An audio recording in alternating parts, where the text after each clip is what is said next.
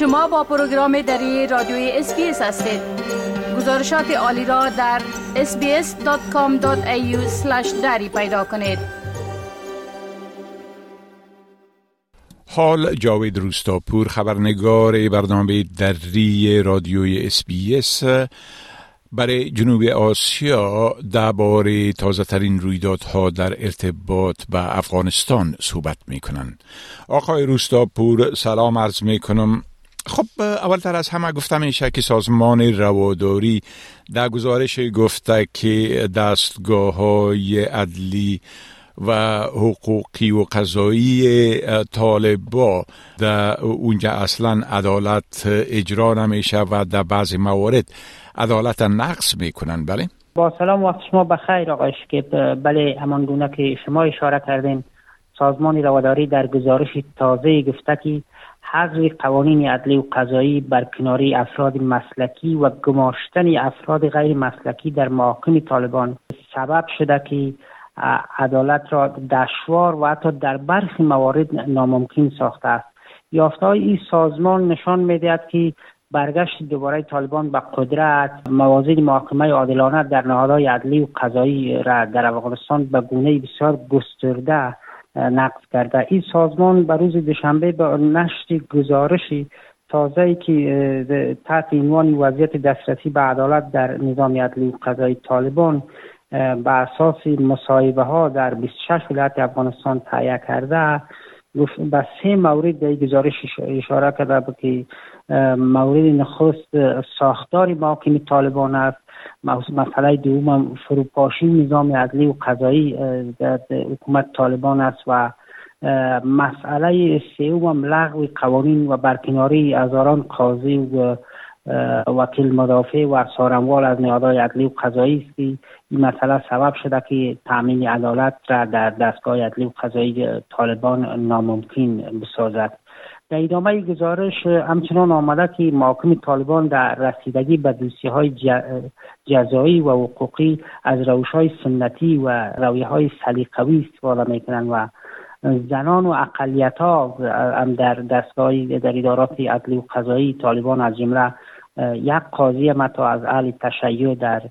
نادای عدلی قضایی در سارنوالی و محاکم طالبان وجود ندارد. اما زبیلای مجاهد این گزارش را رد کرده و مسئله برکناری کارمندان مسلکی محاکم را رد کرده و گفته که افراد به خصوص در سارنوالی و سر محکمه طالبان بیشتر افراد مسلکی هستند و عدالت نسبت به گذشته تأمین است. و شفافیت وجود داره و این گزارش را باز از اصطلاح پروپاگاند مثل که در دیگه موارد هم گزارش که نشر میشه طالبا از این واژه یا از این کلمه استفاده می‌کنن این پروپاگاند دشمنان خوانده زدلای مجاهد بله خب از مسمومیت در مکتب دخترها در ولسوالی سانچارا که ولایت سر پل گزارش شده میشه که در این باره یک مقدار معلومات بتین؟ بله محمد محمد رحمانی رئیس معارف طالبان برای ولایت پل تایید کرد که نزدیک به 80 متعلم متعلم مکتب در دو مکتب دخترانه در ولایت سانچارا که ولایت مسموم شدن. به گفته او شخص شاگرد در یک مکتب نسوان به نام مکتب نسوانی کبوت آب و عبده نفر دیگر در مکتب نسوان فیضاباد مسموم شدند مسئول معارف طالبان در سریپل همچنان گفته که شاگردان به شفاخانه انتقال دادن و گفته که فقط این دشمنی های شخصی بوده ولی جزئیات بیشتر ارائه نکرده در این مورد. ولی این موضوع سبب واکنش یونیسف شد و یونیسف در اعلامیه این مسمومیت دختران را گفته که طالبان باید بررسی کنند و تاکید کرده در اعلامیه خود صندوق کودکان که این موضوع سبب نگرانی مردم افغانستان است. این مکتب هایی که شاگردانش مسموم شدن از طرف یونیسف تمویل می شده چون طالبان خود دختران را اجازه نمیدن. به مکتب آموزشگاهی بوده که معلمینش هم و پرسونلش از سوی یونیسف در برخی ولایات دختران زیر سن یعنی از هفت تا دوازده سال یا تا ده سال در یونیسف پوشش میده و این آموزش می‌بینه. همچنان این مسئله واکنش های زیادی هم در شبکه های اجتماعی برانگیخته و شماری مدعی شدن که کار افراد خود طالباست به دلیل از اینکه عقده دارند در برابر آموزش دختران و حتی به کودکان خردسن هم رم نمی‌کنن و افراد گروه اینا را مسموم کردن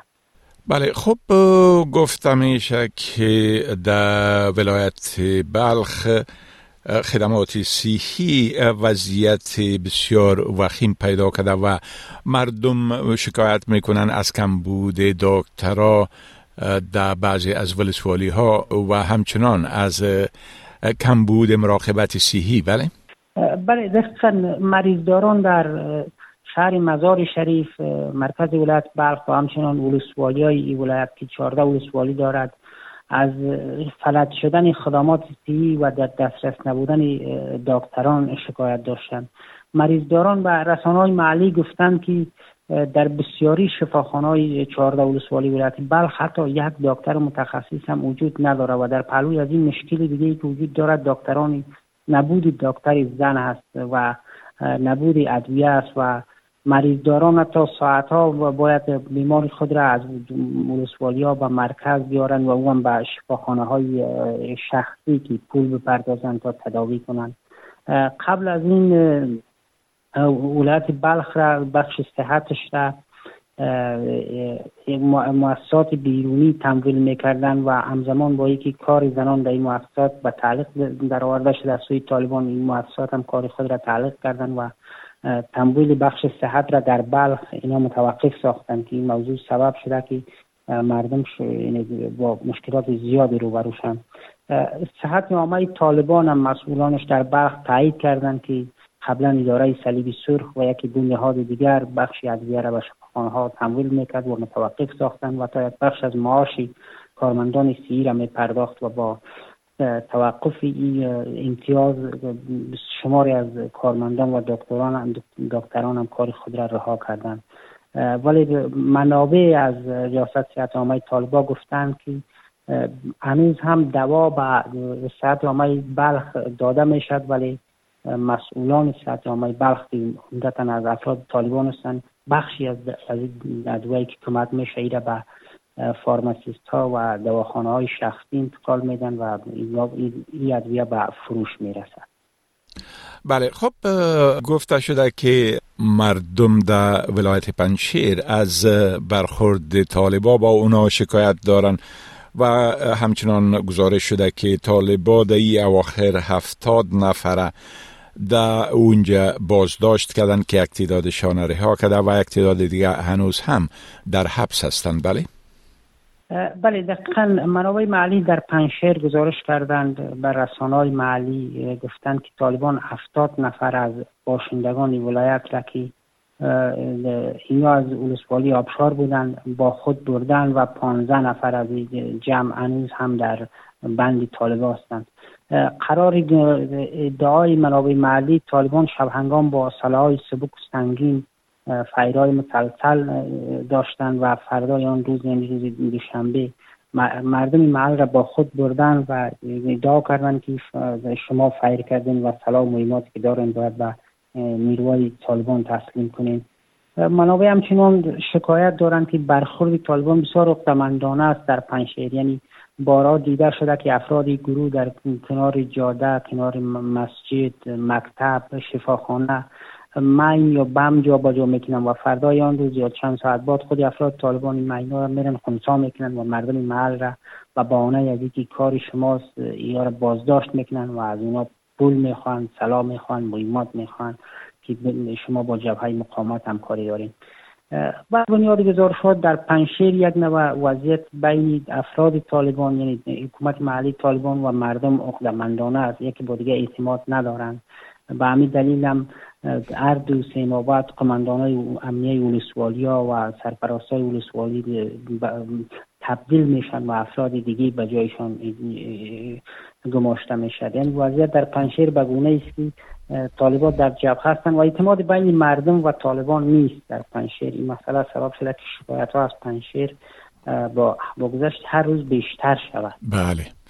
خب بسیار تشکر از این معلوماتتان آقای روستاپور و فعلا شما را به خدا می سپارم و روز خوش برتان آرزو می کنم وقتی شما هم خوش خدا حافظ ناصرتان می خواهید این گونه گزارش ها را بیشتر بشنوید؟ با این گزارشات از طریق Apple Podcast، Google Podcast، Spotify و یا هر جایی که پادکاستتان را می گیرید گوش دهید.